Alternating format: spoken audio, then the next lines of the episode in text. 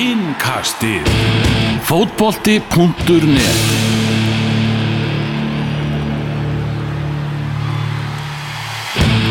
Heil og sæl og verið velkomið með okkur í innkastið 14. júni, Helva Geir, Tómas Tór og Sæpitt Stænke Við ætlum að eh, svona hveðja landsliðið í, í byli í þessum þætti. Við ætlum að eh, tala um að leika þess í gær og svo ætlum að eh, líta þess á bestu deildina líka. En áður við komum á því, fyrst að var nú bara verið að draga hérna rétt á þann Í fyrstu umferð fórkjapni meistaradeildar Evrópu. Ef að vikingur vinnu lefati að tallin í þessu umspili Og ef þeir vinna síðan anstæðingin þar á eftir þá munu þeir vinna umspilið og mæta Malmö, Milos Milojevic. Í fyrstu umferð fórkjapnið mestaradildarnar erfiðasti mögulegi anstæðingurinn Það var náttúrulega ekki við neinu öðruð að búast þar sem að eh, Víkingur er úr Reykjavík og Reykjavík er á Íslandi. Og Íslandsk lið eh, hafa já, ekki notið mikillar lukkun ég gæfu í þessum drætti til fyrstu umferðar og eiginlega ekki annar umferðar heldur í, í Champions League það er, maður er svona farin að gruna það sem aðkur í misunni hjá uh, UEFA og þessi að reyna að henda okkur íslendingunum út að það bara skiptir ekki máli hvernig og hvena það er dreyið og eftir mm. hvaða hætti og hver dregur það er alltaf erfiðast í mögulega anstæðingur, svona nánast valsmenn þarna, það var Dínamo Zagreb í fyrra sér átti ekki mm. Sjensi og svo fengur mann Ludokarets Raskat og meiri þegar valsmenn komist í Európa-deldina, nei hérna í sambandsteldina eftir það, þá var það bótu og glimt og þetta er náttúrulega ekki hægt, en það er sérstaklega þessi fyrsta umferð uh, Champions League, og nú er ekki bara að tala um þennan drátt við vikingum, bara trist á það að stænki hendi í frétt núna eftir háti, bara anstæðingar ístisku liðana í fyrstu umferð Champions League bara síðustu, síðasta áratugin þetta er nú ekki fallet að sjá og þetta hefði getið verið New Saints frá Wales Salgíris frá Litáin, þetta hefur svona verið tveir físilustu kostinir, mm -hmm. það hefur svona kannski verið séns í helviti að leggja HJK með tveimur draumalegjum bótu hefði líklega ekki verið séns og alls ekki Malmu svona heldur maður allan að fyrirfram. En maður þarf að gera eins og segja bendis og lifi í voninni mm -hmm. en hérna já, þetta var laungleið til að svara já, erfiðasti möguleið dráttur og, og Mílos kemur heim Já, já það var fjölmjölamæðurinn í mér fagnar því möguleikunum að því að fá svona Mílos ynga, ynga heim og komin í þetta risastóra jobb sem þjálfari svíþjóðamestarana Já, já, hérna fint viðtal fyrir því að taka en hérna mm. samt hjartalega ásamalaður Já, en það endar þá liggja leiðir alltaf í sambandsdeltina já, já, sko, málið er náttúrulega þannig að það leið íslenskar félagslega fyrir þá við erum náttúrulega farið ofti yfir í þættinum eftir að þessi geggja sambandsdeld byrjaði. Mm. en til þess að árætti þetta einu svona enn og þá er leið íslenskar félagslega til þess að komast í Evropud riðla keppni sambandsdeldarinnar við erum hættur að horfa á riðla keppni Evropudeldarinnar við erum að horfa á riðla keppni sambandsdeldarinnar til þess þurfum við að vinna fyrstu umferð Champions League. Náttúrulega við ætlum við vikingar, eh, blikar og káringar ætlum að koma okkur út úr hérna, hérna Europe's Worst Tournament hérna sem að vera haldið í vikinni núna eftir, eftir nokkara dag og þá er þetta bara að fá hérna, físiland rátt í fyrstu umferð Champions League. Segjum að vikingur hefði fengið The New Saints náða að fara í gegnum það, fara í aðra umferð mætt þar einhverjum ájúrillum sínum. Það er bara besta mál. Þá fellur niður í þriðju umferð hérna Európa-deldarinnar þar svo getur sömulegis fengið mjög erfiðan aðstæðing en samt í Champions Path þannig að það er alveg sens á að halda áfram eitthvað. Allavega, þó tapir þar líka að þá kemur inn í playoff round í Champions Path í Európa-deldinni nei, í sambandsdeldinni mm -hmm. í Champions Path. Og þar getur við fengið bara, þú veist, mestarana frá Írlandi alveg eins og, eh, eins og Arna Gullundsson var að ræða við okkur núna, það var að minnast á Flóru Tallinn að við kannski fórum ekki yfir hvað þeir gerðu þeir fá hérna, nokkuð þægilega drátt í uh, ég man ekki hvort þeir eru unni hérna, hips frá möldu mm. sest, það er dráttur eða í fyrstu umfyrir Champions League vinna það, fara í Európa-dildina, tapa þar fyrir Legia Varsjá sem náttúrulega ekki sensi fara í, í hérna neði fara hérna áfram já, fara svo í Európa-dildina, tapa þar fyrir hérna Omónia ef ég held, ef ég maður rétt frá, frá Kýpur í Vítaspunni-kefni, bróöfnir fara þá í sambandstildar Champions Path og fá Shamrock Rovers húrra sér í sambastildar reyðleikjefnina og setja núna 700 miljónur krónar Takk fyrir, Takk fyrir. Þetta er sensinu í Íslandi en náttúrulega búið að gera þetta erfiðar allan fyrir vikingi ár út af þessu malmöðrætti mm -hmm. Káur og breyðarbleiki póttinu það dreifir verður í sambastildina núna bara eftir nokkra mínútur, við förum bara í það bara setna í, í þættinum. Já. en uh, förum yfir í, í landslið á lögadalsvelli í gæðin, það voru fáir í, í stúkunni. Býta það sjálfur, við vorum að skoða þetta skiptir það einhverju máli fyrir vikinga að vin, vinna vinna Levadia og fara áfram? Koma það ekki saman stað? Er þetta ekki önnur Það umfyrir við gerum ráð fyrir þið tapir fyrir að segja. Já, já, já, Já. veist. Jú, ég meina þú veist, þó, þó að vikingur klári ekki mótið, þó Mm. fara þær í fyrstu umferð Nei, þá fara þær í fyrstu umferð. Sko, ef þið vinna alltaf ekki krakkamótið ok, að þá fara þær í fyrstu umferð hérna sambastildarinnar Já, ver, já fara þær í fyrstu þá. Ég, ég held Já. að það sé fyrsta sko. Já, ok. En ef þeir Ég held vinna, að vera önnurum fyrir í báðum til ég- ef þeir vinna. mótið fara þær í aðra sko. Já, ok. já, Já, já, vinna þetta mót alltaf. Já, já, já, já. já, bara byrja á því að vinna að Já, Tallinn og byrja, svo, byrja þar. Já, svo skulum við sjá hvað gerist. Þurfum þá yfir í fámennið á, á Ljóðalsvellinum þar sem Ísland og Ísrael mættust. Það voru bara eitthvað rétt rúmlega 2000 manns, eitthvað 2200 manns á, á Laugardalsvelli þannig að voru svona helmingi færri heldur en að voru í þessum leika á móti Albaníu. Uh, hva, hvernig var stemmingin í Laugardalunum, Sabjörn? Uh, mér varst, ég tók eftir því að voru færri. Það er svona Já. tilfinnilega þannig að ekki jafn góð á mínum mati En- það er samt alltaf þessi landsleiks tilfinning Já, það er svona, það er mér finnst það alltaf jafn gaman að mæta þú veist, og er alltaf jafn spenntu fyrir þessu kannski er einhverjir svona aðrir búin að missa aðeins áhugan á þessu. Það verðist vera. Þetta var að tala um þess að 7300 sem að vantaði svona upp á. Já, þessi, þessi sem að mættu ekki. Já, já, já, um, já stemningi var samt bara já, þetta var, það var aðeins tilfinnilega, einmitt, aðeins döfar yfir þessu. Mm. Sko, Íslandingar að hafa svona átt í smá erfileikum með að kveikja þess á þessari þjóðatild en við mögum náttúrulega ekki tala þjóðatildin ómikið niður. Þjóðatildin gaf okkur úrslitaleika móti Ungverjalandi um, um að komast á stórmót. Og ef við uh, náum að slýsast upp í atildina aftur þá eru bara góða líkur á því að við förum aftur í umspilum sæta á stórmót í gegnum þjóðatildina þannig að það er, það eru fullt af mögulegu fyrir þjóðis og Ísland í, í þessari keppni. Akkurat, er, þetta er í rauninni sko möguleiki á umspili tvær keppnir í röð. Já, að því að með því að fara upp í aðdildina og í versta falli falla það að næst þá ertu aftur samt það ofalega í þjóðatildinni að þú ferði í umspilið. Já, því að öll önnur lið er að fara að tryggja sig í gegnum undakefnina sko. Þannig að Sigur í, í leiknum í gær hefði fleitt okkur upp í efsta sætið. Uh, margir, eða bara allir fjölmiðla landsins nánast, þeir sögðu það að Ísland þyrft að vinna til þess að eiga möguleika á efsta sætinu, sem er bara rámt það er ennþá möguleiki, þráttur þessi leikur að venda með jafntefli 2-2 en þá þurfum við vantilega hins vegar að treysta á hagstaðu úslitu úr öðrum leik Hvað þarf að gerast? Við þurfum alltaf augljóslega að vinna Albaníu Mhm. Þá fyrir við í 6 stig Já, mm. ég var eitthvað að reyna að útskýra þetta að ég ger þetta er hérna, ef það er jafntefli í Albani Ísrael sem er fyrri leikurinn í þeim glugga Já, þá verðum við að vinna Albana starra heldur en Ísrael vann Albani Þetta eru bæði í stiga og þetta Já. er eitthvað Já, já, ok. rosa Það það sem gerir þetta náttúrulega ennþá steiktar er þetta er náttúrulega þryggjaliða riðil fyrst að rússunum var sparkað út að, innbyrðis milli okkar og Ísrael er náttúrulega bara akkurat á pari 22 og 22 Jú, jú. Já. Er það enn 2-2, endur leikar, fannst þetta góður, góður leikur? Sverrir? Uh, Kablaskiptur, það er svona klassíst eitthvað. Já, og hérna það er rosa mikið svona einhvern veginn bara kaplaskipt Það er bara orðið yfir hennar glugga eða? Mm Mm. ég hérna leikurinn já, góðuköflunum var þetta bara fínt og svona Já. bjart yfir sig og maður var svona ok, Hákon Arnar er bara að stimpla sig inn í þetta Þóri Jóhann heldur, heldur sínu sem hann er búin að vera að sína bara síðasta árið. Mhm. og já, einmitt, en svo koma kablar uh, svona ég tók eftir þessu kannski eftir svona kortir 20 mínútur. Þá þá var ég búin að horfa á pressu íslenska lýsi bara, er það er eitthvað planið í gangi, eitthvað sniðut Mhm. Jón Dagur var að setja háa pressu og Andri Lukas að droppa. Hákon fer í svæðið hans Jón Dags og svona smá fæslur en á sama tíma sá Ísrael nákvæmlega hvað er í gangi og fóru þrísvar í gegn bara sömulið og marki í í öfnumarki 1-1 lá svona í loftinu þó að kannski ekki búin að skapa dauðaveri þá voru Mhm. búin að koma skotum á markið og, og finna leið upp völlin Mhm. Svona einhver umræð eftir leik einhvern veginn eins og bara Ísrael hefði stólið þessu stíi og menn bara hundsvektir og því íslenska liði hefði spilað svo vel. Uh, ef við skoðum bara tölfræðina úr þessu leik þá er Ísrael yfir bara í öllum tölfræði þáttum í, í leiknum. Já, já, og hérna áttu alveg stig skilja þetta í gær, það er náttúrulega munar hrikilega mikið um þetta færi sem að eh, Hákon Arnar leggur náttúrulega bæði með, með kraft og dugnaði og síðan ótrúlegum gæðum ég held að hérna sé ekki þetta kannski allir sem átta sig á erfiðleika stíginu í þessari sendingu á Arnur sig því að hann er á fullri ferð og viktin í sendingunni er fullkomin sko, mér langar að benda hann er 11 ára gammal sko, þetta meikaði ekkert sens.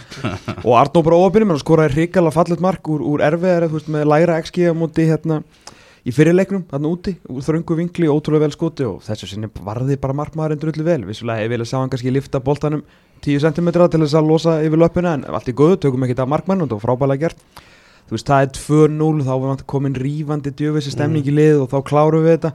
En staðin hinum megin þó þetta hefur verið sjálfsmark þá náttúrulega voru við fýblaðir upp á skónum og, og hérna óöfnir í skotinu, skotið er náttúrulega umöðlegt en, en Daniel Leo því miður stýrir þessi markið. Mhm. í setni hálfleiknum líka þú veist, það er við erum oft rosalega lélegir, bara valda henni teik með svona ábyrða hlutverkin fá og fáir sem að taka einhvern veginn ábyrð eða bara, þú veist, það er mjög svo mikið rótleysi á varnarleiknum oft eins og í þessu marki, þau eru standað á tveir eh, hérna, alveg óvaldaðir Hörðbjörgvin svona einhvern veginn ekki í manninum Hákon Arnar og uh, annar, hérna, sem var svona helviti sett að koma einhvern veginn að tæma hlaupi hversu vanir eru að sjá Aron Einar koma bara að tæma hlaupi og vera mættur nákvæmlega á réttu stað á réttum tíma. Og það er náttúrulega lærist bara með 80 landsleikjum og 500 leikjum í atvinnum sko, fattur. Þetta er náttúrulega þannig erum við að tala um reynslu sér fyrir út. Að því sögðu ef þú ert að spila international fótbolta og þú ert í meistaraflokki í hvaða liði sem er þá hlýtur náttúrulega að geta að minnstakosti klára hlaupið tilbaka inn í tegin og reynda að hjálpa til í vörðinni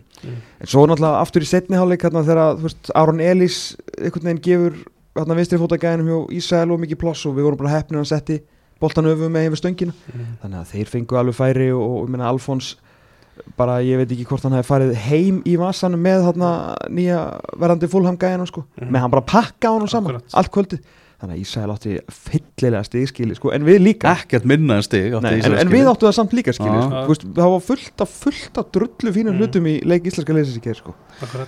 Leiðilegt að okkur bara tekst ekki að vinna fótballtalegi það vantar eitthvað. Já, já, já, algjörlega. Ég meina þú veist, þetta setna mark e, e, hoppar hann yfir Alfons eða? Ég var- Ég held það á fjörstöngin á fjörstunginni Já. þú veist, aftur lendir hann í, hann í brasti þar boltin einhvern veginn ofhár og þú veist, allur aðdraðandinn að þessi fyrirgjöf fara að koma inn. Hann er ofhár fyrir Rúnar Alice til að koma út í held ég, hann að þú veist, rétt ákvörðan að standa á línunni. Af hverju fyrir hann inn í markið veit maður ekki, þú veist, ramt skref áttast ekki alveg á hann stendur því hann gerir ógeðslega vel í að setja neð í boltan sko. Mm. þetta hefði náttúrulega verið bara eina markuslum ársins þú veist, sett í trailera hjá, hérna, hjá UEFA þú veist, þegar það var að reyfi upp þjóðadildina ef að hann hefði ekki verið inni Mhm. og svo er náttúrulega það að dæma þetta marki er náttúrulega eitthvað almesta sprelsi í nokkuð tíma síð sko. Akkurat, ég átti flega líningar Hann virtist vera inni Já. En þú veist, það, þú getur ekki dæmt út ef það eru ekki óvíkjandi Já. sörnunegögn og ef að hérna, serbneska var teimið gæti ekki drattast til þess að setja vélar á línuna allavega, þú veist, við erum ekki búin að sjá neitt þannig að við ætlum bara að leiða okkur að vera tiltir yfir þessu. Þar til að annað kemur í ljós. Ég fór úr hleraði menn hérna niðri. Já. ég hitti sko bæði Vilhjálm Alvar sem var hérna eitthvað aðeins að sem var nú sjálfur að, búa til var. Já, og var greinilega eitthvað aðeins að aðstofa við að setja upp vargræðunar og eitthvað þannig. Ok, og hann þú veist sagði bara það er bara skýrt og, og skorunátt að ef þetta er ekki 100% ef það er ekki bara 100% sönnun í gegnum var þá ert þú ekki að fara að breyta ákvörðun Nei, dómarans það er sko línan, það er bara, þú veist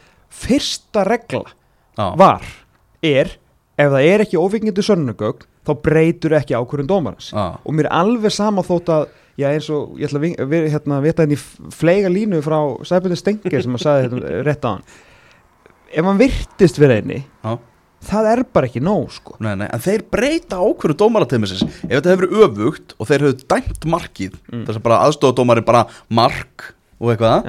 Veist, þá Þa, geta, þá er það sama, þá getur ekki tekið tilbaka getur ekki tekið tilbaka það sannar ekki að boltin hef ekki farið inn. Nei, nei, þetta er alveg, en, en, en þeir snúið svo við þarna og ég hitti líka Kára Snædal sem var nú bara að stýra útsettingunni já, og hann sagði bara, hann var búin að skoða öll sjónarhóttni sem að þeir eru með já, því vegna þess að dómararnir eru með nákvæmlega sömu sjónarhótt og ekkert fleiri eða neitt annað, ekkert auka myndavilar eða neitt annað og hann sagði bara, er ekki á einni einu sjónarhóttni þar sem þú getur verið 100% vissum að boltina að fara inn. Segðu mér að þeir hefðu snúið þessu við í ekki mark ef að dómarinn hefði, þú veist, flötað þetta inn sko, bara glemdi hugmyndin E- Þetta er bara skandal, En- bara en- var skandal Þetta- þetta hjá, ekkit hjá, hjá serbónum sem voru að sjá um varið þarna í, í þessum leik sko. Já, já, þetta, þetta er bara joke og hérna, ég veit að boltinn hérna, verðist inni og reynda Hjörvar setti heldur góða myndin á Mhm. Twitter á hann frá þarna þessu 0,06 cm sem að kostuðu Liverpool titilinn hérna fyrir ykkur þreymur árum síðan. Akkurat.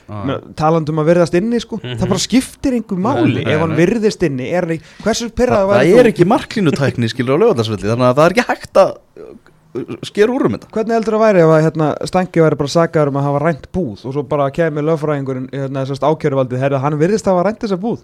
Og bara dómarinn, já já, hann virðist hafa, líst ekkit vel á hann með húun aftur og bak og svona, þetta er eitthvað pörupiltur sko, bara fimm ári steininum, skilju það gengur ekki upp, Nei, nei. það verður skellur, ég veit ekki það. Eða það ekki? Það verður þreytt. Það var vel þreytt, ég sagði alls ekki fyrir mér á hrunnu sko. Nei, er alls ekki sko. Mhm. Við töpuðum öllu leikjunum í A-delt En- þjóðadeildarinnar en og gerum jafntefli í öllum leikjum að við fyrir við séð og pökkum þessu saman. Hérna, en annaðið mitt, sko, talandi um að vera orðnir aftur litlir uh, og svona aftur orðnir svolítið Ísland því að þegar við vorum á tímubili orðið náttúrulega resaþjóð, við vorum eh, konungar norðursins, við vorum á topp 20 á heimlistanum, það voru 10.000 trilltir áhörundur svona dóma voru við farnar að fá með okkur sko. Mhm. það hefði engum Finnlandi og svona. lifan móti finnum sko, ég meina alltaf langt besta dæmi. Nýkomnir af EM sem bara the darlings of Europe búin að leggja hérna uh, englendinga velli, við veit ekki hvað og hvað boltinn svona 14 metra inn í markinu og dómarinn, nei, nei, nei, nei bara Já. ekki, ekki, vera með, ekki vera með þetta sko þannig að hérna, þetta var náttúrulega sem vantar og það er mjög easy fyrir dómara að, þú veist, dæmi bolta inni eða úti og hvað þá ykkur að var dómara læsta inn í bíl þegar það eru 2200 áhórandur einhver staðar á svona köldum degi á lögðisvelli sko. Mhm. Þannig að ég tók saman uh, meðalengur leikmanna úr þessum glugga og þá horfum við bara til þjóðadeildarna, vorum ekki ekki á einhvern veginn San Marino leikana uh, Þar uh, kemur ljós að Jón Dagur Þorstinsson sé, er besti leikmaður Íslands í, í þessu glugga með 7,3 í meðalengun. Þar réttur aftan Hákon Arnar Haraldsson og Þórir Jóhann Helgason með, með 7 Þessi þrýr bara langljósustu punktarnir í, í þessum glugga í, í liðun okkar. Já, fáum bara þrjár góðar framstöður frá, frá Jóni Dei hérna, skorun alltaf mark er síðan flottur í gær líka. Attitút í honum eins og við vorum að ræða í þættinum bara, veist, er veist, pyrrar anstæðingin og svona svona katalist inn á, inn á velli og Mhm. þannig bara alltaf bæði góður í fótbolta hann er ekki jafn fljótur og ég held sáðu þegar Hákon Arnar reikspólaði framórunum í þessari skyndisók sko. Mhm. en hann er, hann er fljótur með boltan og, og náttúrulega rosalega fljótur að hugsa teknískur fastar og góðar fyrirgjafir getur skorað þannig að, hann er bara veist, á þessa stöðu og svo skilur við eftir hennar leik veist, það er allt einhvern veginn í skrúinu hjá landsliðinu og ég veit ekki 80% af þjóðinu einhvern veginn neikvað gagvart þessu öllu og hann mæti bara í viðtal og kallar allar trúða sko. þakkaði svo bara fyrir sig, sagði bara það er ekki séns að ég fari til Lingby Því að Freysi var hann að kaupa hann í beinu útsendingu á Twitter, það er ekki séns ég fari til Lingby ég þól ekki Danmörku, en samt opið fyrir öllum þú veist, þetta er svo mikill kongur sko, ég er bara leitanda karakterum, veist, það er alls konar karakterar. Mhm. hann er bara svona karakter og bara guð blessi þetta einhver sko. Já, Hákon Haraldsson skemmtilega orðinu uppáhald markara í, í þessu liði eftir þennan glugga. Hann er líka ekkit eðlilega góður í fótbolta. Mhm. Skilja vel að þú horfir líka bara veist, hann á ennþá fermingapenningana Já, já, bara dugnaður samt í hún Bara að vera alltaf í þinn all, og þetta tempo í honum líka þegar það kemur að springi og bara móttökur og Mm. sendingar Gæði í Vá, maður. og, og Ísak Bergman líka. Mm. þegar hann læði hérna upp í skotið á Svenna þegar hann sparkaði í jörðina, þetta er tvisar á hann heiti boltan Mm. og hann er kannski ekki besta skot síðan. Síð en bara það, veist, hann er líka veist, 19 ára eitthvað búin að vera svona upp og niður með landsliðun, kemur inn, það er einhvern veginn allt undir. Boltin kemur, sendingin þín og þú ert bara, það, ég ætla bara að leggja það með hælnum ég ætla, ég ætla bara að gera Já. það og það er bara full komin sending sko. Mhm. á fullt af svona litlu mómentur sem að var ánæði með sko. þetta, þú veist, að fá á sig tvö mörki leik, við vinnum ekki fótboltaleik sem íslenska landslið, við ætlum að fá okkur tvö mörki leik sko. þess að þetta bara fungerir ekki þannig Mhm. en hérna, fram á við bara, bara flottir Mm, og Þóri Jóhann svona síndi af hverju Arnar setur hann alltaf nummer eitt á, á blaði hjá sér já, þú veist, everybody gets one og, og allt það bara, þú veist, var ekki góður í, í síðasta hérna, síðasta mótsleik og ég var svona hrættur um að því það er rosa easy það er, það, getur verið rosa easy að vera einhvern veginn svona stór fiskur í lítil tjörn og þú veist sérstaklega að vera sko, stór fiskur í tjörn sem er ekki svona talað um fatturu, að að vera einhvern veginn alltaf bara ljósið í myrkrinu er miklu öðveldar heldur en alltaf að taka eitthvað ábæra hlutverk og vera góður vera bara besti maðurinn í liði skilur sem að einhvern veginn er, er og er fjallað um þig þegar þú er bara sviðsljósið og bara spotlight er komið á þig að þá máttu ekki fara að bókna sko. Ég var svona aðeins bara oh my god þú veist það er svolítið búið að tala hann upp færa hann að albaníuleik bara lélugur mm.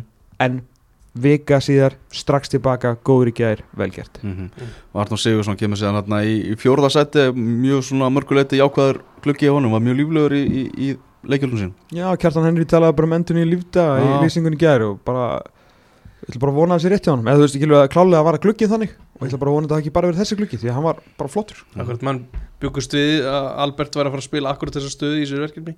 Arnó kemur bara inn og hvað á eina stóðsendu og skora eitt marki var já bara Fínt. taktar og hérna bara flottur sko. Mm -hmm. hann láta skori gær líka og...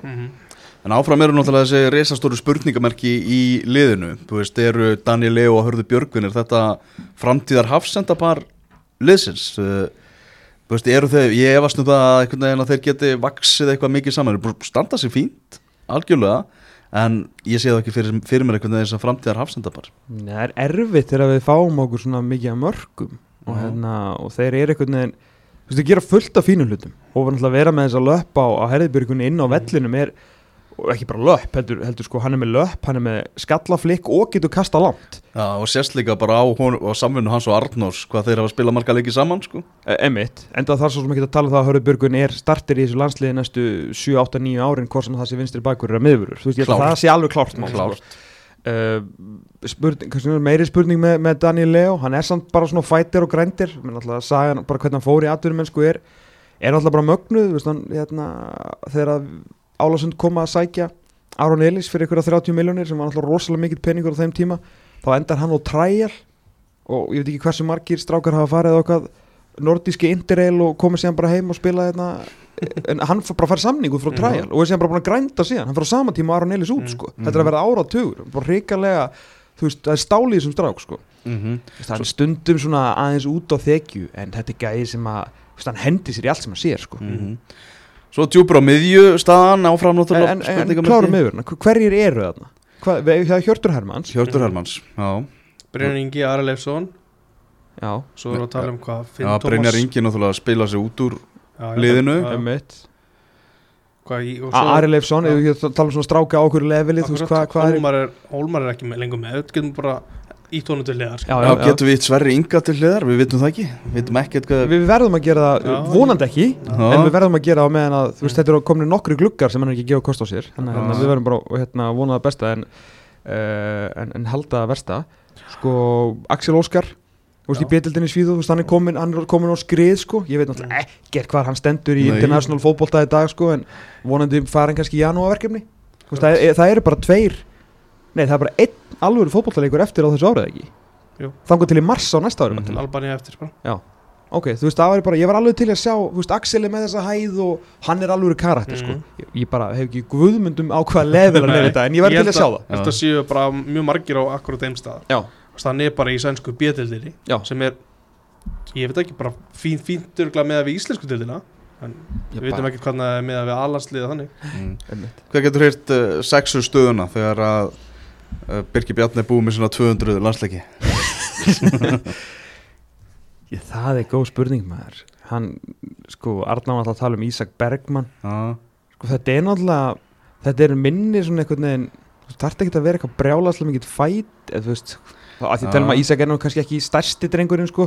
Þetta er alltaf rosalega mikið bara að vita hvert boltinn er að fara, þetta er svona rosalega mikil hugsunarstaða og leiklæstur staða, mm. þú veist, að vera svona einn. Kolbjörn Þórðarsson, hvernig þróast hann? Hvernig að staðan, hann er Mhm. mm. hrikala flottum með 21 og er leiði tói Já. Ég leit- leit- En hann er, er þeir, eru svona tveir hann svona saman í þessu þrý, fjórir, þrý kerfið ekki svona, Hann er svona eiginlega alltaf fyrir aftan Hann er svona aðeins bæði ofta- Andra og Kristján sko. Já, ég, ég, ég fyrst klálega, það verður gaman að sjá hvernig hann þróast En það er engin svona sem að sem að öskrar á því, sko. Nei, ég, ég, mér langar að segja ég vonast eftir að verði Andri fannar en, Hann er komin, er hann ekki bara svona fjörði í rauðin í dag? Jú, en þú veist, hann þarf náttúrulega einmitt að komast í liða sem hann er að fara að spila og eitthvað. Já, algjörlega og svo er eiginlega bara ennþá starra spurningamerki heldur um að bara gera sér grein fyrir eftir hann að klukka það er nýjan það er fremsti maður sko Já. Mm. því að það var lítið að koma út úr fremsta manni hjá okkur bara í þessum klukka sko. Já, Guðjón sem bræður voru í, í hérna Sko, þau voru allir að vilja gera þið, það vantaði ekkit upp á, upp á það Svenni átti ágætið sem kom í veist, hann kostir ykkur 2-3 færi og hérna og Andri Lukas fer upp í allt, sko en svo er þetta náttúrulega líka bara svona spurningum service, menna hvaða hvaða færi fengu þér svo sem? En auðvitað að vera frammeir í íslenska landsliðinu snýst náttúrulega líka rosalega mikið um að hjálpa til við að færa lið fram öllin, sko. Hvað, hérna, hvað var þetta með Holbert þessum núna? Hann vildi einbetta sér að Lilleström en hann var samt í einhverju brúðköpi og eitthvað líka þannig að Þetta var svona- þetta er Ég bara held svona, að þetta hann er hafi bara svona svolítið stemmingin í kringum liðið bara núna það núna, er ég, er ekki með staðfest en þú veist Ah. Ég gæti trúa því að það hafi líka eitthvað spilað inn í hann hafi ekki fengið símtalið skilur bara við Lasa bara, þetta á já, netinu Já, hlutverkið mitt verður þó bara ekkert neitt eða eitthvað Já, einmitt. Jón Daði er Já, Já, bara þú veist, en, en er, er að það ekki það samt verið nummer eitt hjá mér bara. Já, glemtu því ekki, er það ekki Já, gefið? Þetta var samt mótskluggi sem maður mætti ekki í sko En já, já, það er þannig svo sko spurning hvort að Arnar sé eitthvað peri púi við því sko mm. En ég meina þú veist En spurningin er hver er nýjan í dag? Þá er það Jóndaði, ég meina 100% mm Þannig að í útsendingunni gær voru duglegar að sína heimi Hallgrímsson upp í, upp í stúku, Lalli mættur þarna hlaupabrautina með hliðin á Gunnar og Ormslev og var að segja ég var alveg til í að vera hérna áfram en bara Arna vildi vera einn þannig að það er nú bara eins og það er og ég virði þá ákverðun og allt það. Men- því ég var að tala um þetta í þættinum á lögudaginn svona að ég hef ekki upplifað ég hef svona neikvæða stemningu sérstaklega gagvart þjálfaranum. Já, uh, bæði svona hjá, hjá hérna, uh, skrýbendum og, og, hérna og hlaðvarps fólki sko sem var endar ekki til þá sérst með hérna Eyjáls Sverrisson á þeim tíma. Uh, og bara hafa búin að vera í brekku gagvart öllu, úslitin ekki að detta og hérna neikvæðum fullun og erfið hérna, erfið blamanafundir alveg bara nánast hver einasti sko ekkert hjálpa til að Lalli hafi sagt að hann hafi basically verið rekin sko. Og svo eru þeir báðið, veist, Lalli á hlaupabrautinni og heimir upp í stúku og svona, þeir eru klæð umhverfið starfsumhverfið hefur verið það eiginlega sko, en síðan var bara Arnar náttúrulega, veist, hann var bara flottur liðlinni í gær og hérna var bara að stýra þessu strákum og veist, náðum í stig en þetta er ekkert verið eitthvað brjála eitthvað kósi sko. Nei, alls ekki og hann er bara langt frá því að vera veginn með þjóðin á sínu bandi Já, líka að þegar Lalli segir að hann hafi verið reikin í beinni útsendingu af manni sem að, þú veist, 70% lesenda fótbollum.net sögðu að væri rangri leið og það þetta er ekki gott, sko, ekki gott fyrir hann. En hann þarf bara, þú veist, að standa og falla með þessu sem hann auðvitað gerir, hann er bara búin að losa menna, Lalli segir þarna bara, þú veist, hvað sagði hann? He wants to be on his own eða eitthvað og Lalli bara virti það og, þetta er bara, hann, hann er bara búin að búa algjörlega til sitt heimi og nú þurfum við bara að sjá hvert það fer því að hann er ekki að fara neitt, sko. Mm. En svo kemur náttúrulega þessi púsluspils gluggi í september. Þar sem að undir 21 árs landslið okkar uh, stóð sig fárúlega vel í þessari undakefni og er að fara í umspil. Og það verður dreigið í umspilið bara eftir viku næsta þriðjudag. Þá kemur í ljós hverju vera móturir okkar í september. Í tveggjarleikja einvi um það að komast á lokakefni EM.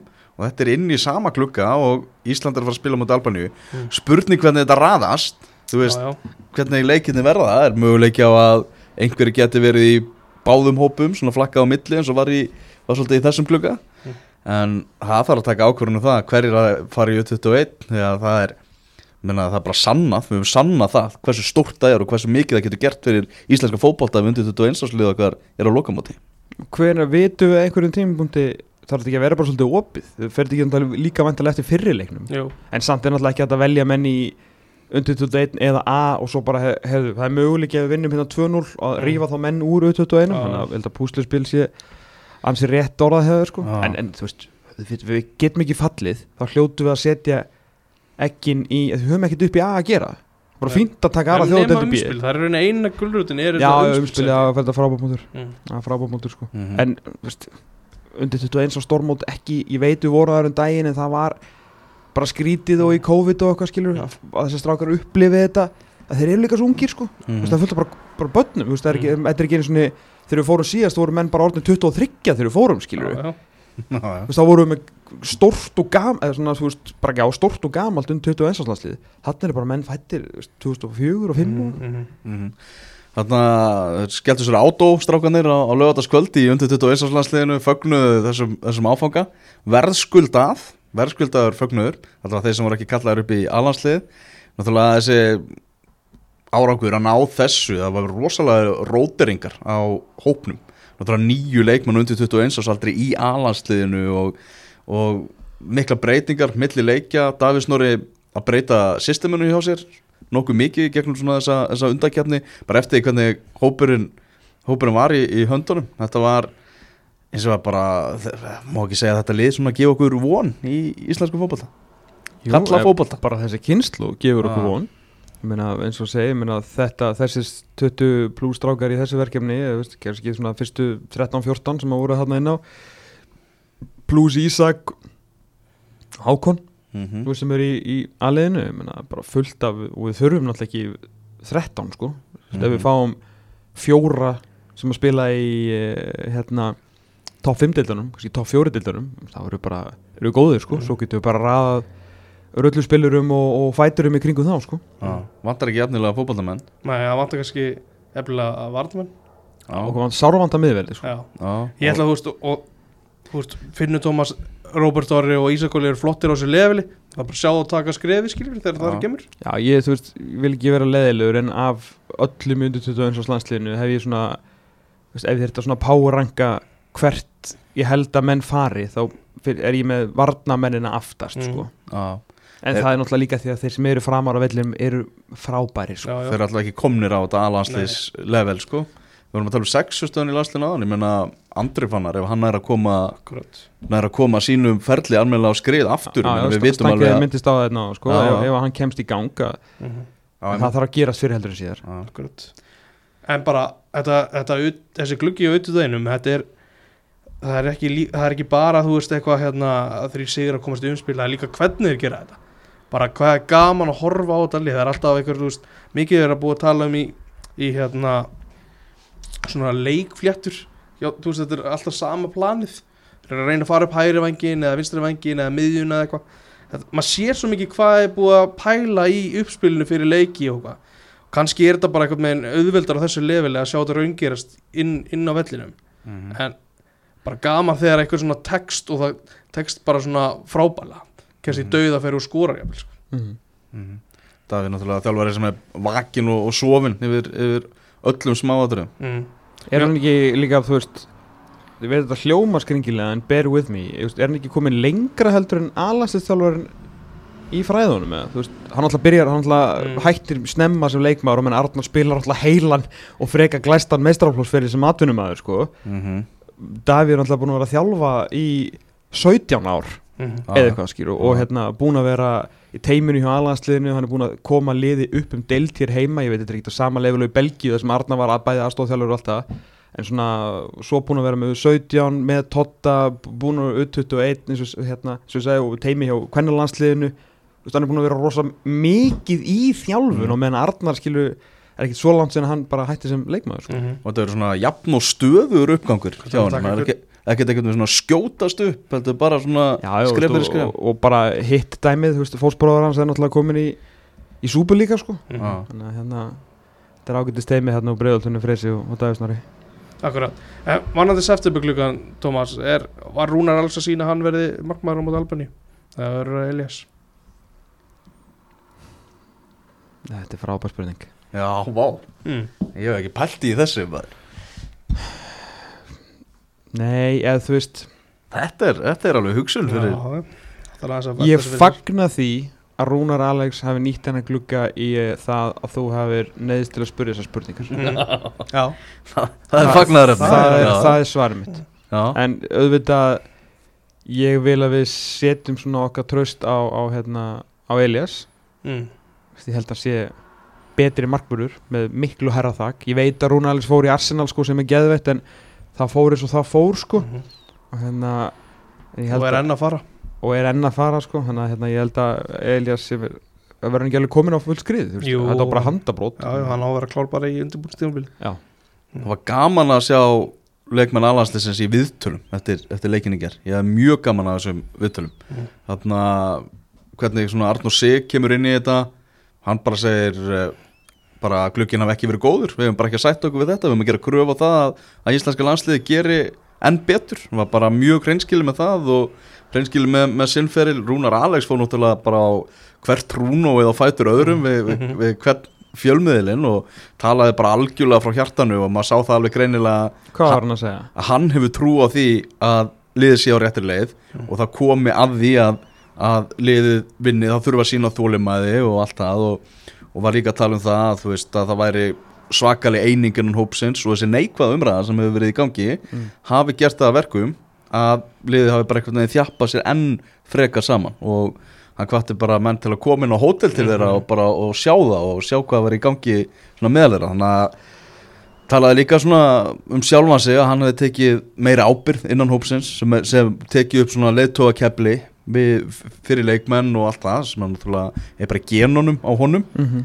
þannig að hann, hann var, þetta var mjög svona áhugavert og, og, og flott viðtal við hann, alveg Mm. klálega var svona tíma þá svona fann, sá maður bara tárin í augunum á honum þetta, hann, hann sagði þetta það mikill innlefun sko Mm. hann var ekkert eðlilega svektur Já, það bara hann nær náttúrulega ekki, þú veist, hann skilur jafn lítið í þessu var ákvörðin og allir aðrir Mhm. en bara hann er, hann náttúrulega snýst um hvað fóturinn á honum er Jú, og hann bara, og, sa- og sagði að þetta væri svolítið dæmigjart Já. fyrir sjálfan sig í landslið Mhm. að það væri svo mikið stöngin út og búið að vera það bara allan tíman sko. Akkurat. Já, já, ok, ég held að meðnum samt svona, það sé svona smá understatement sko, náttúrulega hefur þetta bara ekki varið skotin en, en hérna, ég, ég sá einmitt brota þessu, hvort það var að Viaplay eða eitthvað í gær. Og það var alveg ljóst að honum var ekki, ekki sama. Og hérna, og ég samanlega þess, þetta má fagna og það er líka bara gott að hérna, og þetta er líka svo klár gæi sko. Og hérna, hann er svo líka að tala um það í gær hvað þetta væri bara flottu strákur og náttúrulega ríkala góðu fólki komin, hann að, þú veist, við vitum að hann er ekkert að bulla, hann hefur alltaf verið henskilinn alltaf, bara frá að hann var ungur strákur. Þannig að ef að það væri eitthvað vesen í þessum hóp og menn væri eitthvað litlir og bara væri nú herbyggi veist, með tárun í augunum sko, þá myndi bara segja það sko. ég, þegar hann segir hitt þá bara trúi honum. Eitt, eitt enn til þess að alveg loka þessu. Já. Ef ég fer tilbaka svona þrjú, kannski fjögur ár með þessa þá horfi ég á Birkjum á Sæfarsson svo horfi ég á Alfons Samstedt. Og ég bara já það er kannski eftir eitt, tvö ár þá erum við bara komið með, með bakur hana kláran fyrir framtíðina. Og jafnvel bara strax eftir, fyrir fjórum ára síðan. Já, kannski þremur þegar hann að koma í bótu og hérna ég er enn að býða eftir bara almennilegri framistu frá Alfons í landslið ég, ég hef ekki séð heilstift af framistu bæði sóknar og varnarlega. Frá því að hann kom inn í lið og samt er ég að sjá hann vinna Noregs mistratitilinn og, og rústa Róma hann á heimavelli og hann startar mitt, ég er Það er eitthvað við bara skil hjá ekki. Bót og Glimt sem að passar fyrir Alfons miklu betur heldur en Já, það er, það er alveg augljós sko. Svo náttúrulega er náttúrulega ósængjant í gæra hann hann hann Olbermann eða hvað sem hann heitir hann Sulemann eða Mhm, hvað heitir hann þurr hann heitir eitthvað ó- eitthvað Ólemann eða eitthvað. Mm.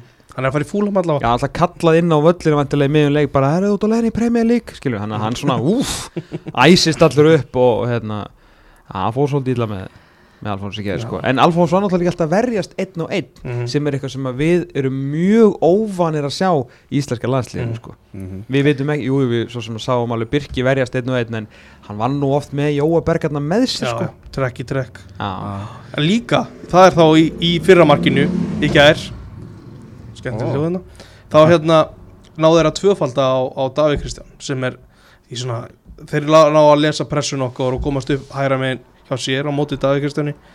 Ég veit ekki, mér finnst við alltaf vera að lenda í þessu þessi tvöföldun á bakurinn okkur og svo kemur kross og eitthvað vesel sko. já, því að við erum ekki með lið til þess að verjast í lári blokk eins og Arna segir og þá vantar fótballamenn til þess að verjast.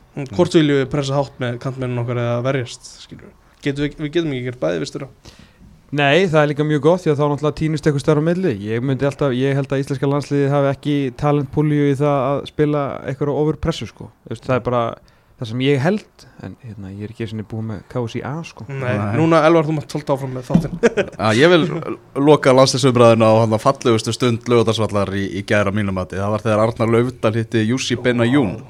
Og það í aðdraðanda leiksins var Arnar mikið búin að tala um Jussi Benajún og hvað hann væri miklu metum hjá honum. og Er hann aðstóð landsliðsarfur eða er hann general manager? Nei, hann er greinlega eitthvað í svona, ég held að segja ykkur leikreiningu Mm. mm. Hann var upp í fjölmiðlabóksi, mertur íslenska landsliðinu. Ah, ok, ok, Og svo stökkar hann eitthvað niður í hálfleik, sko. Þannig að hann er vantilega ykkur svona leikreinanda hlutverki. ok Hann var hann og, og það geistluðu augun á Arnar Löfdal þegar hann hitti Jussi Benajún og, og síðan Getur þó ekki verið að hann haldi með eða? það geti verið og svo bara myndaði svona flugveldasýning þegar þeir síðan hittust strákandir sko og Spjallaði með hann? að bólamynd og allt sko. Geggjað Og Stoppaði hann bara. Já, Það er geggjað þegar menn upplega drömmin já heldur betur þannig að það var fallegasta stundin að mínum að á lögadagsvöldi í ger Berna Jún líka síndi að hún var ekki sama sko. Hann var alveg peppaður í stúkunni sko. þegar á, sá fagnaði varmarkinu maður.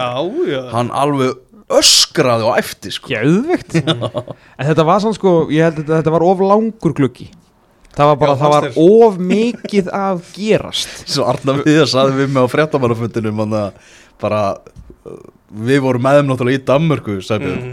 það er bara eins og síðan þrýr mánuði síðan þegar undirbúningurinn ég, ég er bara að tala um, veist, fjóri leikir Of margir dagar til þess að pæli hlutunum svakalega mörg hlaðvörp Mhm. nóg af mönnum með Twitter-akkánta vandaði með Facebook skilur þetta var, þetta, skilur, þetta var bara eins og okkur sábóper það bara kom eitthvað nýtt á hverjum degi sem var hægt að smjatta út daginn og svo bara 24 hour news cycle og svo kom eitthvað nýtt. Þú veist, þetta, þetta var rosalegu gluggi sko. tókst, tókst fram Facebook og Twitter og svo vorum með æfingamindbúð á Instagram. Já, nákvæmlega. Alla flóruna. Og það var sko maður í sjónvarpinu skilur, hann hefur verið komin full circle á ljósokanum Já, í fjölmjölinu ætla ég að segja. Mhm. Herru, Breiðablik og Káer voru í pottunum þegar dreigi var í fyrstu umfyrir fórkeppni sambandsdeildarinnar núna rétt áðan. Breiðablik í efri styrklegarflokki en Káer í neðri og Breiðablik mun mæta Santa Coloma frá Andorra fyrir leikurinn fer fram í Kópavöginum. er ekki breiðablík mætt þeim áður Valur mætti Santa Valur Coloma, Coloma. Já, 2019. ok, það er svona, hvað var að segja, 7-1 Já, verið það. segjum það. já, Káeringar mun mæta Pokon Sjessekin frá Pólandi. æjæ, það hljómar ekki vel. fer fyrir leikurinn fram í Pólandi. Erfitt verkefni sem, a, sem að Káringa fá. Hefðu getað mætt Flóru Tallinn Crusaders frá Norður Írlandi HB Þórsöp ok, þetta er ekki góður dráttur. Nei. ekstra klassan, þetta er góð deild sko. Já, með þetta er erfiðu dráttur fyrir, Já, fyrir. Káringa en blikar eiga að rúla yfir sitt. Flottu dráttur fyrir þá. Já. Uh, Bestatildin er einmitt að fara aftur á stað. Núna loksins líkur þessu, þessum landsleikja glugga og bestatildin fyrir á stað á miðvíkudaginn þar sem að uh, eru uh, áhugaverði leikir á dagskrá tveir á miðvíkudaginn þar sem að vikingar eru að fara að mæta íbjöfa fyrir að fara til vestmanniða og það er spurning hvernig svona eigamenn hafa nýtt hennan glugga þetta hlje já, hvort þeir hafi verið eitthvað farið í ræktina.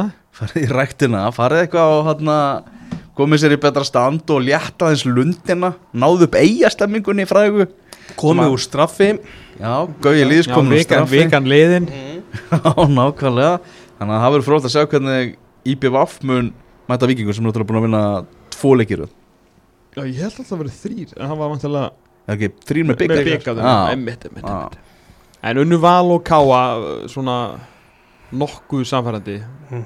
er það ósengjandi eða? Nei, Nei, káa var svona, var bra Káa var voru- harkir þeir úr voru- miklu betri. Já. Já, ég hérna hafi verið fínt að mæta IBF fyrir hennar glugga sko. Það náttúrulega er hættu Já. því að menn hafi svona rifið í játnin og eða rifið í lóðin og svona náðu upp stemningunni.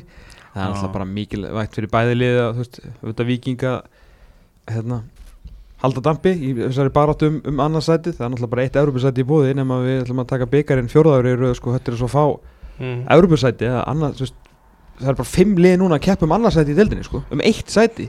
Mm -hmm. Já, fjólað árið í röðu, já. Hvað? Ég skil hvort þú að fara. Hvað, byrju, ég skil ekki. Já, já, Bygg, byggarinn og allt það Þetta er gleði hjá, hjá vikingum í byggarnum hann er ekki mun að fara það síðan byggar 2019 meistarar byggar meistarar. Eru KR í að það er krían á meistaravöllum. Er hann á miðvikudaginn líka? já, Ok. Þar verð ég, já spenntur, mjög spenntur. Já. Mjög spenntur Já. fyrir að sjá hvort að Ía ætla að vinna aftur fótballtaleik Já, ég held að gera það nú ekki. Arna Gullarsson spáði því nú bara í þettir með okkur lögða en að Káringa myndu bara fara á flug. Mm. Já, Ég skil, skil þá spá. Mér finnst þetta einhvern veginn Það byrjaði á móti stjörnunni Þá fannst, kom bara alvöru heilstift káur framist það mm Svona meira í, en í, bara í 45 myndur Þetta var kannski ekki alveg alla 90 En Nei. þetta var svona í áttina. En þeir hafa líka átt tvær vikur til þess að kvíla sig og svona kvíla lúum bein Hallar Hansson var með þess að kvildur í landsleik. Nákvæmlega, Þannig hann að- kemur frísku tilbaka. Bónus. Kjartan Henry reyndi að vera á ferð á flugi. Jú, reyndar en enda nú heima. Já, já. Það var nátt í góðu. Já, skagamenn, það er bara eiginlega svona samá með eigamenn bara hvort að þeir hafi, hvernig þeir hafa náða að þjapa sér saman núna í þessu, þessu hlýi Þeir þurfum nú aðalega bara að vera betri í fótballta sko. Mm. já, er það ekki svona, Svona fyrsta, meiri, fyrsta Þeir verða svona alveg geta hlaupið og djöblast eins og alltaf sko. Þeir þurfum náttúrulega bara að geta eitthvað mm -hmm. Þeir eru náttúrulega búin að vera alveg óheyrilega lélegir síðan Mm. er áttu þarna að drauma leikið sinni í annar umfyrst sko. já, á 50. kvöld þá eru uh, aðri leikjur umfyrirna Káa er að mæta fram á uh, þessu, þessu, þessu Káa bráðabyrða velli, ertu búin að sjá hana vell? Ég er Ok. ekki búin að sjá hann, ég fór ekki í vettfóngsverð í vikuna, það var Nei. smá glúður já, En þetta það er allavega, ég held að vera fleiri en kannski svona þrjú, fjögurundur mann sem hafa verið að mæta á Dalvíkvöld já, Þannig að geti myndast einhver smá stemning fyrir þessu. Þeir klára mótið þarna ekki held ég. Jú, jú, og spila þarna næstu árin bara. Já, næstu 2-3 árin. Það er bara þar til að Akurabæðar ætlar að byggja þennan nýja káa leikvang þá þurfum við náttúrulega að fara þú veist, gera þú veist, alltaf, við vantum að jamt og þétt að bæta aðeins aðstöðuna. Mhm. Já, kannski, þú veist, vissur kannski ekki fara að steypa stúku en svona eitthvað, maður getur ímyndað sér, þú veist, að þetta sé bara svipað einhvern veginn og fram í sama mér eitthvað svo leiðis já. Já, Var ekki eitthvað að tala um að þetta væri sama stúka og væri á sauðarklóki sem er bara svona bara bekkur með sætum í rauninni sko sem er bara smelt já, niður sko. Já, ok, það er bara fint já, hvernig þetta sé leikur farið Ká fram, Já, þetta væri lítið um mörg já, sérstaklega frá fram. Já, já. En þú veist að þér er að spila mútið gáa það væri mm, 1-0 Ká mm. Keflavík var stjörnuna eh, stjörnulið sem hefur verið mikið, mikið umræðinu gleði í kringum garbaðinga já og náttúrulega bara með eitt mest spennandi leikmann á landinu í Mhm. sínu liði í dag er ekki nóg að Óli Valur hafi farið á stað með heiminskautum í, í bestu dildinni þá tók hann hennan U21 ársklukka Já, bara, þú veist, og var uh, bara topp þrý leikmæðin í liðinu eitthvað, innan um heldur betur stjörður þarna, Mhm. algjörlega geggjaður og sá Frábær. þetta koma á flugi núna inn í næsta þriðjung bestudildarinnar já, við tölum um það fyrir mót að þetta uh, hófum hann upp nánast í skíjana í Já, útastættinum og sagðum að þetta veri leikmaður til, a, til að fylgjast með og ég vona að fólk hafi hlýtt okkur. Já, því annars eru búin að missa af nýju leikjum sko. Já, sem væri mjög leðilegt mínu menn í leiknir að fara á Kaplakrikavöll og mæta FA og þarna er mjög áhugaverður fótballtæleikur að sko. FA enga töpuðu fyrir jú þrótti vógum í æfingarleikum daginn. Já, uh, lítið sem ekkert gengið hjá þeim eitthvað svona hægir og, og, og, og styrðir og leiknismenn að bara ekki búnir að vinna fótballtæleik sko. nei, þetta er alveg rosalega hvað er FH mörgstig? FA með sjöstig og leiknir þrjú Já, þetta er sko FH er faktist sko með við uh, budget með svona mínus fjögur stig sko ef við horfum bara til leiknismanna, þú veist, þeir eru náttúrulega í rosalega vondum eða svona hafa farið illa af staðir í vondum málum, það eru 400 leikir eftir þessari deild, en þeir eru náttúrulega ekkit, eh, sérstaklega góðum málum sko. Þó skárri heldur en, heldur en leiknismenn og FH hangar hafa verið bara svo ósamfærandi að leiknir eins hrottalega slagir og þeir hafa verið með það sem að held fyrir tímbila það hafa verið alveg sens á einhverju stigum og, og sama, það er aldrei að vita nema hafi nú verið einhver, einhver smá samhristingur í, í breiðoltinu sko. Já, ekkert staðfest að Já. það var, það var eitthvað grillað og gleði Nó já, já, nó já, já, alltaf Já. ekki amalegt en þeir þurfa alltaf bara, þú veist, þetta er svo easy, þú veist, það er ekkert að vera með einhver hot takes á, á leikni, þeir þurfa bara að vera betri og skora mark Já, og það er vinna, bara- vinna fyrsta fótballtaleikin og sjá hvað, hvað gerist reyna að koma sér eitthvað aðeins á blað sko. Já, Mm. koma út úr skilinni uh, Stórleikurinn en ef að FH tapar þessum leik Já, þá verður einhver blett fréttamarinn að spyrja Óla Jó út í golfferðina sko. Já, það verður einhver veistlan sko. já það Yes, taka jafnvel sem síðustu spurningu í viðtalinu Já, ég myndi býða með hana. Eða byrja á henni því þá er viðtalið hvort sem er búið og getur bara að fara fyrir heim. Já, gæti labbaði burtu. Já, tekur stutt að stunda að henda vídjónu inn og, og allt það. Út komin á þarna ölhúsið bara fyrir, fyrir nýju Heru, Það hefur ekkert verið svarað í síman á hlýðarenda í landsleika klukkanum Heimi Guðjónsson að fara að stýra valsmönnum á til hvers móti. þetta er að svara í síman, hvað þetta er að segja? Hann verður áfram, menn hann verður áfram, sjáu það ekki? Jú, jú, hann verður áfram, er hann verður stýra val á móti breyðabliki toppliðinu. Pælið í strákar. Ef að, þú veist, ef hann fengi tröstið ja, fengi, þú veist, hann er að fá tröstið mm. þeir bara svara ekki síman vandalega börku bara að segja ringi í heimi og segja bara, þú veist, hafði ekki ágjur að þessu þú ert þjálfarinn minn, ég seti tröstöðu í haust, þú fær tröstið núna og svo tapar hann bara aftur 6-2 það er því rugglað sko. En það, er, það getur ekki verið, þú veist, þetta verður eitthvað algjört valsgrænt sko. Mm Og við erum að tala um það að blikar án Ísaks Ísaks nær Þorvaldsson í banni. Já, Og Ómar Sóe. Já, Ómar Sóe líka í Sóe, hvernig svo segja. Já. Já. Já, ég veit, ná, ég þarf alveg, þurfum að vita það. Já. Ég held, eða að, svo ég held þetta sé Ómar Só mm held ég. Já, ég sé ekki frá þessu rétt hér Já, en við þurfum allavega ekki að hugsa um það næstu tvo leiki þar sem að hann Við höfum nægan tíma til að læra þetta. Já, En Ísaks Nær var ónótað að varamæður í undir 21. leiknum -hmm. Er þetta eitthvað meira heldur en minna? Það eru þetta alltaf meira heldur en minna þegar að hjartað fer eitthvað á stað? Mhm. Hvort sem að það sé út af sko, hjartaflökti eða bara ást? Að þá er þetta alltaf, það veit alltaf bras. Já, hann sagði mér góðu maður að, að Klara Bjartmars, framkvæmdastjóri KSI, hefði sagt að þetta allt saman komið upp og hann fór í gegnum þess að skoðun Ísak og bara allt í góðu og áfram gakk sko. Að hún hafi sagt bara ég vil fá þetta bara algjörlega upp á skrifað 100% bara frá einhverjum virtum læknitak sko. ekki, já, það er ekki verið að fara að taka einhverja áhættu með leikmenn þegar kemur einhverju svona dæmi sko. hefði ekki litið vel út ef hann hefði verið tróðinn í leikin og hann hefði dottið í einhvern Eriksen sko. Já, já, það fara aftur út af með sama dæmi eða eitthvað sko. Ég, frábæla gert töklur, vel gert. Já, nákvæmlega. Og, og strákandi bara kláruðu þetta. Þannig að þurftu, þurftu ekki á honum að halda í, Mhm. í þessu leik. En þetta verður svakalegu leikur og klukkan 20.15 á 50. skvöldi og það er náttúrulega 17. júni á föstu deginum þannig að þetta er frítagur sko. Það var alvöru Þannig Ég hefði viljað hafa hann að leik tveimur klukkutum setna jafnvel. 22.15 Miðnættur Miðnættur sólir Hvað er- hvað er leikur? Valur Bre- Blix. Valur Breflik Já, það er nefnilega, ég frétti það í gær sko uh, fekk, hérna, fekk hérna smá skeiti að það var verið að reyna að dobla blika og káur og spila í næstu umferð. Já. Hérna yfir minnati til að fá sumarsólstuðu leik. Mm. Já, en uh, ekki liðin ofta ekkert sérstaklega til kippileg með svona skemmtilega hluti sko. Þannig að þau höfnuðu því pent. Já, á sama tíma og Hlín Eriksdóttir setti þrennu bara á sommar uh, á mitt sommar í nótt sko Beið eftir miðnætti Kláraði svo þrenn nákvæmlega, kann þetta. Vel. líka bara svona rétt, bara svona steinu minn mm. Eða meiðist einhver Já. Ég hlýta að vera efst Tökum hérna í, í lokin lengjudildar hotnið okkar já, hvernig líst þér á Þór? HK3 Hvað, Þór er- 1 hvað aðra leikir eru svona ferð? Heyrðu, já, bara þósarar Eitt sigur og hann kom í fyrstu umferð. Á móti kórdrengjum sko. Já. Maður bara svona, heyrðu Þóra sendi ykkur ákveðin skilabóð hérna núna Síðan maður bara er svo hálfviti að hafa spáðum svona sjötta sæti og því maður er svo mikill lágamaður og húst, ungi strákar og kóruðumadur og ég veit ekki hvað. Mm. nei, herru þeir vinna ekki fótbolltali Þetta gengur ekki alveg eins og maður var að vonast eftir. Maður er svona, þeir þurfa að læra fljótt ungur strákan þess að lági og þeir eru, þeir eru ekki búnir að læra þeir eru kannski byrjaðir. Vonandi, Já, þín vegna. En þetta á móti Háká var samt bara fullkonlega verðskuldaður síðu fannst mér. Þó að lági hafi verið mjög svona mjög, hann var ekki, að- hvað sagði hann þetta hafi verið ógeðslegt eða minni það. já. Já. og ég var að horfa ég er rauninni veginn bara beigð eftir þessu. Kannski var það bara einhver svona þórs tilfinning að fylgst með þessu liði í einhverju ár. Þó þetta sé ekki alveg sama lið. Bara beigð eftir að þetta myndi einhvern veginn rinja og það gerði það.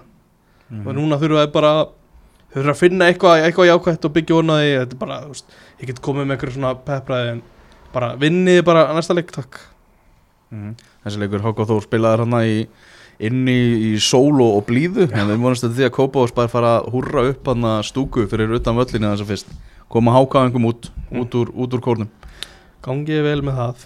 Já, við reynum, já, já, já. við reynum, það er þannig.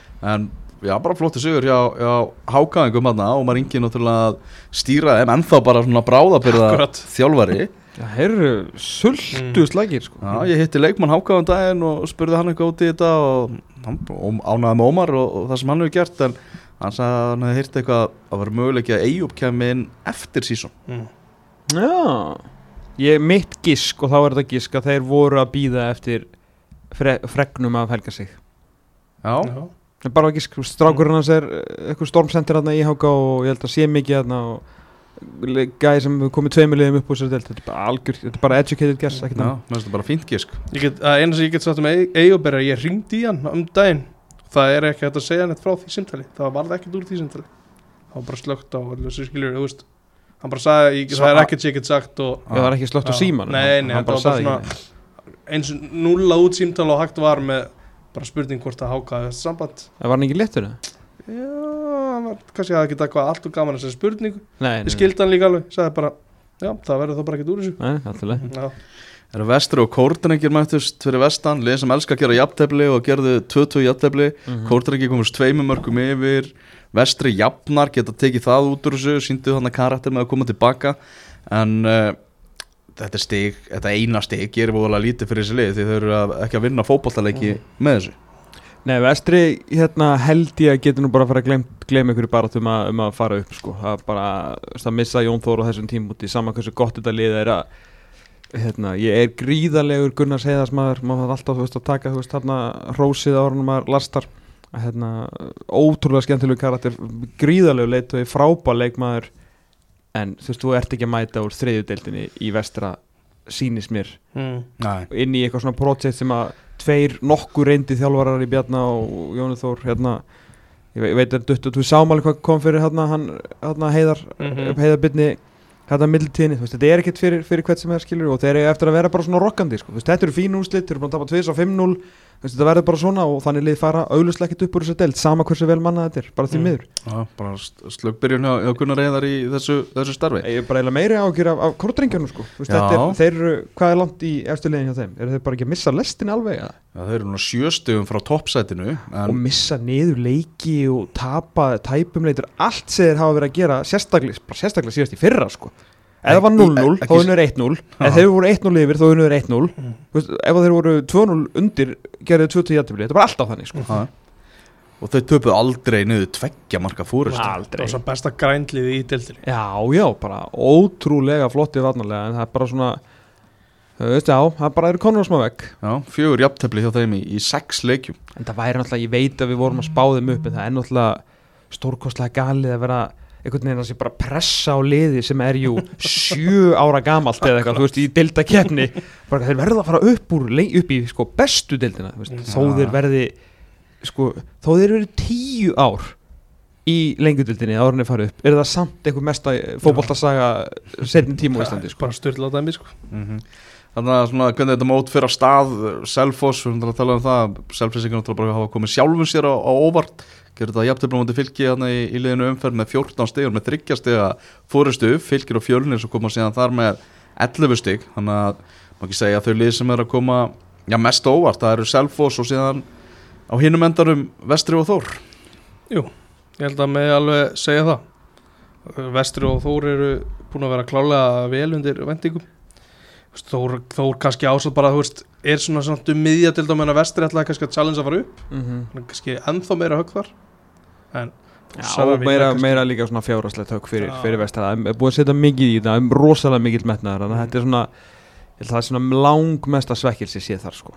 Ekki Já. gefa veist, fjölni samt alveg? Ég gef Fjölnir kredit, ekki Já. spurning. Já, þeir fóru, fóru á stað bara á réttum tíma. Mhm. þetta er já, frekar svona dimmt undirbúinustímabil hjá þeim Já, þetta var, virkaði e- ekkert eitthvað rosalega Já, það alls ekki bjart yfir þessu Náði stíin, Mhm. það skiptur öllum máli í þessu. Já, þeir eru ekki að taka með sér prísisón inn í sísón sem er bara, er erfitt sko, sérstaklega þegar það var jafn ógeðslega lélegt og raunbar vitni sko. mm -hmm. uh, Næsta umferð þeir fyrir að stað er nánast allir leikinnir á 50 bara fjölnir vestri sem er á laugadaginn leikinnir umferðinu Þór Gróta fylgir Háká er á vúrtvellinum þróttur vógum afturhelding og það er heldur betur Það er heldur betur áhugaveruleikur það fall bara áttu slagur Ég skal bara segja það Mm. Erfið byrjun hjá Magga Já. Það er- Við höfum bara tipla svolítið í kringu það grilla Ég skal bara taka á mig. Við erum löngu búin að segja að hann fær hérna, við komum- mjög heiðarlega fram með það að hann fær miklu meiri afslátt svo eftir því sem tekið um það tala Já, já. heldur næri þjálfur það er bara já. En enni, við erum svo sem búin að augljóslega segja að þetta er náttúrulega bara alls ekki nógu gott sko. Mhm. bara alls ekki og þú vinnur ekki kávaf með fullir virðingu þú veist, þú ert klúpur með metna sem ætla að vera með að deilda menn að þetta eru, þú veist, svona kra, ekki krakka þetta er bara svona ungra manna projekt sem að kaupir ekki leikmenn, þú veist, þetta, þetta bara gengur ekki upp, segir sér sjálft mm. ná í leikmenn hérðan og þaðan uh, þú veist, ná í hérna Sigur Gísla og Áskif Frank er með tvo erlenda leikmenn og fleiri til, vakin og sofin yfir þessu og vinnur svo ekki káaf ekki hægt Mhm. Káfa að fara til Grindavíkur á 50 daginn og svo er á, í Sáamýrinni Kórdrengir Selfoss. Mm, Þetta er Það tækir fyrir fyrir kortinningi svona að, aðeins að stimpla sig inn í þetta. Er það á fimmtudaginn? Góður ekki sjálfs Já, já. Þetta, er, þetta er mjög svo skemmtileg umferð. Mm. Íslandsmótið að fara aftur af stað. Ég held að það sé bara komið gott hjá okkur að, Þessu sinni, bara takk fyrir að hlusta og eh, verið sæl